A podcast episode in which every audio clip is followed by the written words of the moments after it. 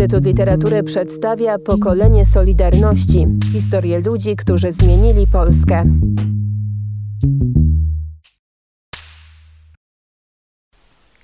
Moja edukacja.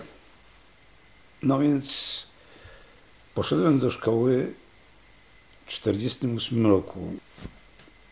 Oczywiście z wojny też pamiętam epizody, o tym nie opowiadałem, może nie warto, ale byłem zauroczony szkołą.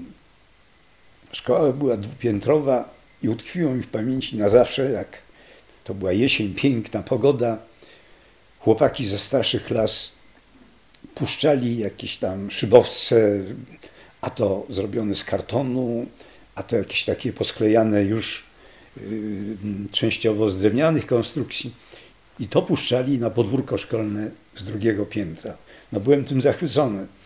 Stąd jak o tych modelach, które będziemy robić w ramach harcerstwa opowiadał ten agitator tam do tego harcerstwa, który nas tam kiedyś, a mnie to, mnie to do wyobraźni przemawiało i dlatego mi to harcerstwo też się podobało. Tą szkołę podstawową bez jakichś tam problemów ukończyłem. Byłem dobrym uczniem, dostawałem jakieś tam nagrody.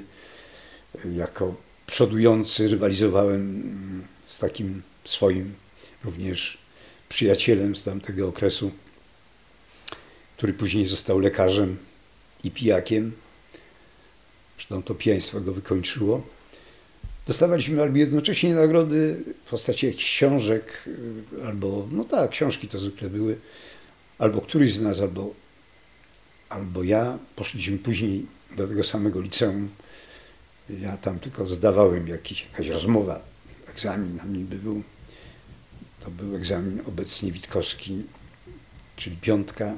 Mnie później brat przeniósł, nie zacząłem tam tej edukacji, przeniósł mnie do trójki, do Kanowskiego. No ja niestety tego liceum nie skończyłem. Ja na tym prądniku chowałem się w towarzystwie ludzi, miałem kolegów, którzy mieli te rodziny jak gdyby ustołowane niżej hierarchii intelektualnej. Aha, bo ja powiedziałem również o tym, że ja y, w zasadzie, będąc jednak pochodzenia bardziej chłopskiego, a co charakterystyczne, ci ludzie z mojej szkoły podstawowej, ci ludzie młodzi, to dzieci, też właściwie prawie wszyscy byli ewidentnie wywodzący się ze środowiska chłopskiego, jakoś mieli to środowisko w pogardzie. Ich to chyba bolało. Oni chcieli być wyżej. Oni, na przykład kolegów, którzy dochodzili tam do tej naszej szkoły gdzieś tam z Węgrz, tych Węgrz tam na Warszawę z tych tutaj pod Niepołomicami wielkich, tylko z tamtych, czy na przykład gdzieś tam z Batowic, czy jakoś traktowali z taką wyższością, bo myśmy tu mieszkali już w Krakowie, a oni w Sioki. I ta jakaś taka, jak gdyby tęsknota do tego awansu społecznego jakiegoś przejawiała się w tym, że oni o tamtych mówili z pogardą, mimo że na co dzień to byliśmy dobrymi kolegami. Na dobrą sprawę, na moje wychowanie największy wpływ miała siostra i brat. Brat, który w tym okresie tej mojej szkoły podstawowej już został inżynierem, pracował jako asystent na Politechnice, później prawie do końca swojego życia pracował w miejskim, w biurze projektów przemysłu cementu i wapna. Był zresztą generalnym projektantem cementowni Nowiny. Moja siostra też tam pracowała, co prawda nie miała statusu inżyniera, tylko była jako kreślarka zatrudniana. No to ja miałem to prawo uważać się, że byłem wychowywany, mimo że mama miała tylko cztery klasy, przynajmniej w części, w połowie co najmniej prawo mówić, że pochodzę z rodziny inteligenckiej. No, tak to wyglądało. Ale w pewnym momencie u mnie się wytworzył pewien rodzaj buntu. Jak ja szedłem z mamą od nadwiedziny do, tej, do tych ściesielskich, gdzie ciotka, czyli moja chrzestna mama, matka Romana Ciesielskiego, e, spotkała się z moją mamą, to te panie opowiadały jak ja miałem tam 14 lat, one już były dojrzałe, no to był temat wspomnień, które mnie nie interesowały. Szkoda, że mnie nie interesowały, bo w tych czasach się tam mówiło, gdzie mam jakąś lukę z przedwojnia, o tych losach mojej rodziny również. I stałem się takim trochę dzikusem. Ja nie miałem odwagi, jak mi mama gdzieś tam wysyłała, na przykład ktoś u mamy zamówił koszyk czereśni, który ja musiałem zrywać, prawda, po drzewach łażąc, czy tam jakiś, wie pan, yy, jarzyny, marchewkę, pietruszkę, którą mama hodowała, mama tym handlowała i z tego żyliśmy w gruncie rzeczy. Przez cały czas mojej mm, mm, no, mojego młodej młodości wczesnej i, i dzieciństwa. No więc ja byłem tak nieśmiały, że ja nie wiedziałem, się buntowałem, jak mi mama kazała ten koszyk zawieźć do kogoś, bo byłem tak nieśmiały wobec ludzi. Byłem też nieśmiały potwornie w stosunku do kobiet, nawet tych, które mi się podobały, które już kiedy miałem naście lat mogły być moimi partnerkami czy sympatiami. A jednocześnie zawsze byłem o jednoznacznej orientacji y, co do płci, prawda, i imponowali mi wprawdzie dobrze zbudowani i śluni mężczyźni, ale pociąg miałem ten seksualny absolutnie do kobiet. To zresztą jakoś tak czułem od dziecka. Na przykład podobały mi się niektóre, mimo że były naście lat starsze ode mnie, koleżanki mojej siostry. W ogóle kobiety, i stąd może też moja nieśmiałość, traktowałem o wiele, uważałem za o wiele doskonalsze istoty niż mężczyzn, bo to znowu to wychowanie zadecydowało.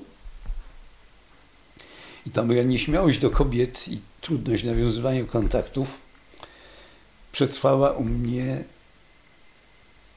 no, to nawet jeszcze w czasie studiów byłem bardzo nieśmiały i, i chciałem to przełamać, a się nie udawało.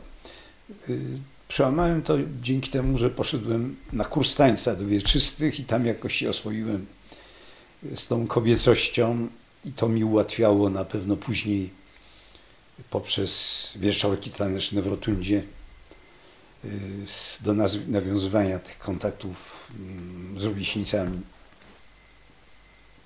Ja w szkole podstawowej praktycznie się nie musiałem uczyć, bo ja wszystko, co usłyszałem w klasie, doskonale pamiętałem i ja umiałem zadanie zrobić y, na podstawie tego, co usłyszałem. Najmniejszych problemów nie miałem. A tam nagle trzeba się było przestawić. Tam naprawdę trzeba się było uczyć, bo wymogi były duże. I ja szybko z tym towarzystwem, a to była szkoła męska. Ja chodziłem do męskiej szkoły, do podstawówki, do męskiej klasy, bo były na broniku dwie szkoły. Szkoła męska i szkoła żeńska. Wspólne podwórko, ale myśmy nie mieli kontaktów. Owszem, tam jakieś zabawy szkolne były, więc te koleżanki to były takie też istoty z innego świata zupełnie. Tam się wprawdzie niby z nimi próbowało tańczyć, ale to, to zupełnie co innego. No i tutaj też znowu podwórko wspólne, no ale to znowu, no, ja patrzyłem na te koleżanki, podobały mi się.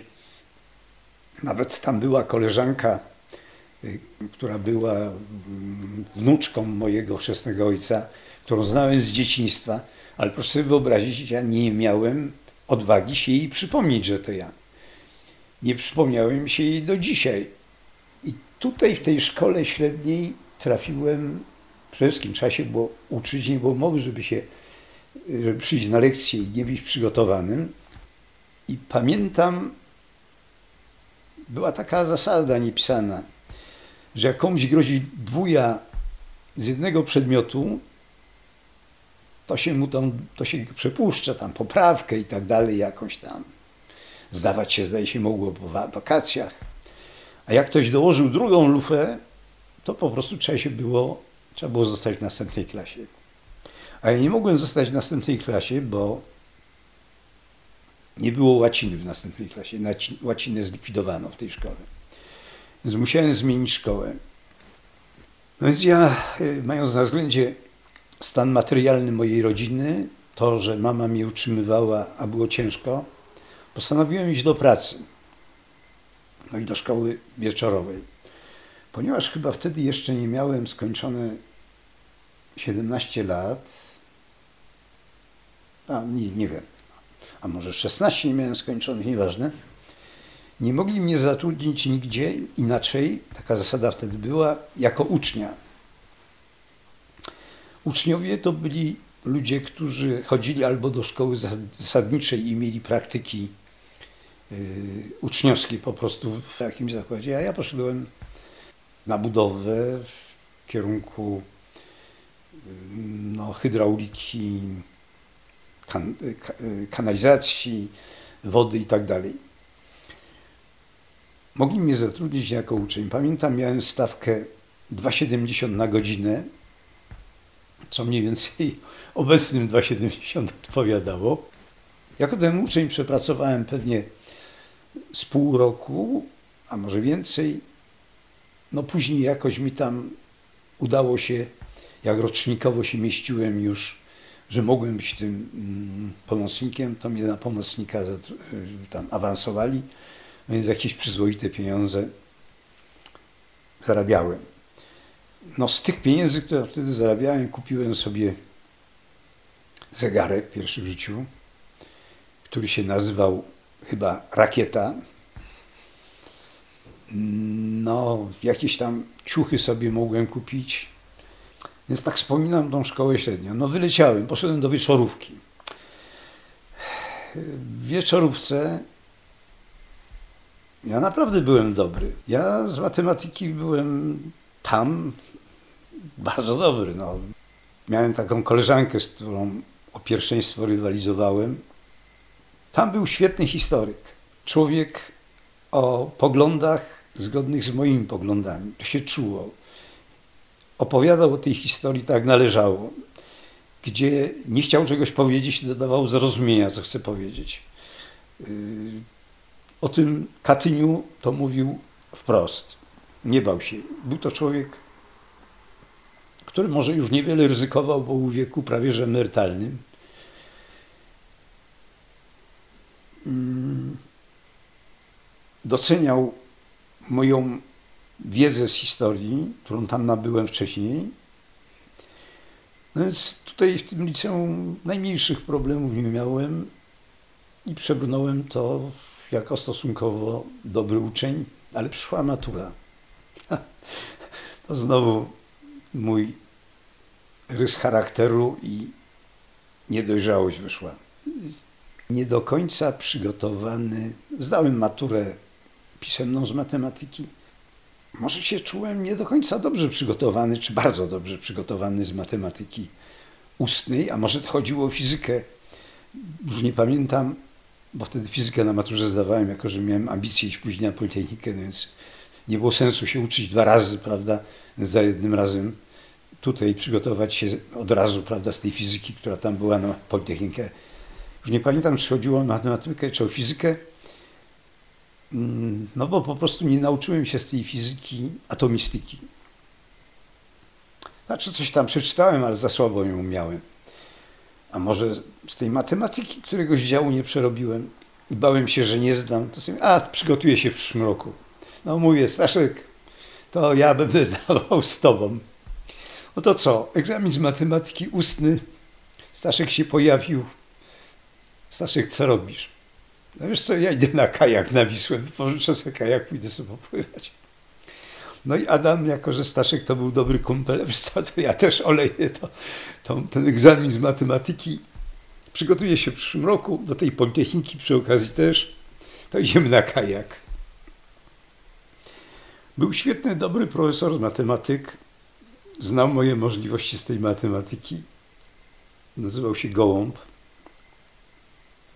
Poszedł nad tą Wisłę bo to było na palcach na groblach to liceum, poszedł szukać Kramarczyka. No to wie pan, ten profesor mógł mnie tak styka jak uściągnąć, tylko on sobie pomyślał, że popłynęliśmy w dół Wisły, a się popłynęli w górę, co było logiczne, bo dokąd się człowiek nie zmęczył, prawda, to wiosłował pod prąd, a później się spływało.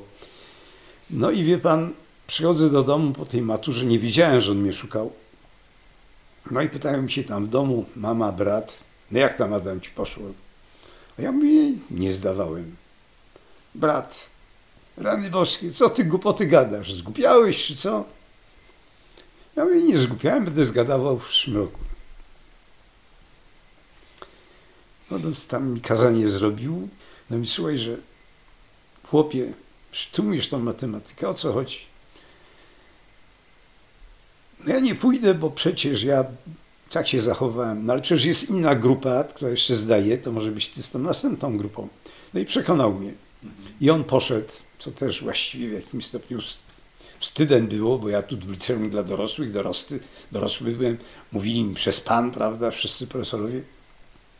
No i powiedział, masz przyjść tego i tego dnia na ten egzamin do tego profesora, który jako matematyk był tam akurat główny w tej komisji egzaminacyjnej z matematyki. No zdałem bez najmniejszych kłopotów, poszedłem, zdałem. Trochę się też wstydziłem tego, co się wydarzyło. Miałem już to poczucie wstydu jakieś. No później Politechnika. Politechnikę, egzamin wstępny zaliczyłem bez problemu. Nie zaliczyłem tam specjalnie mm, wysoko tej matematyki. Wiem, że dobry wynik miałem, dobre z matematyki z egzaminu y, z pisemnego i ustnego z matematyki wstępnego. Natomiast z fizyki jakieś zadanie rozwiązałem, ale był później od razu, zresztą tu się zadanie rozwiązało, szło się tam do asystenta. No i tutaj to zawaliłem, w każdym razie w sumie miałem tam chyba plus 3 z tego egzaminu.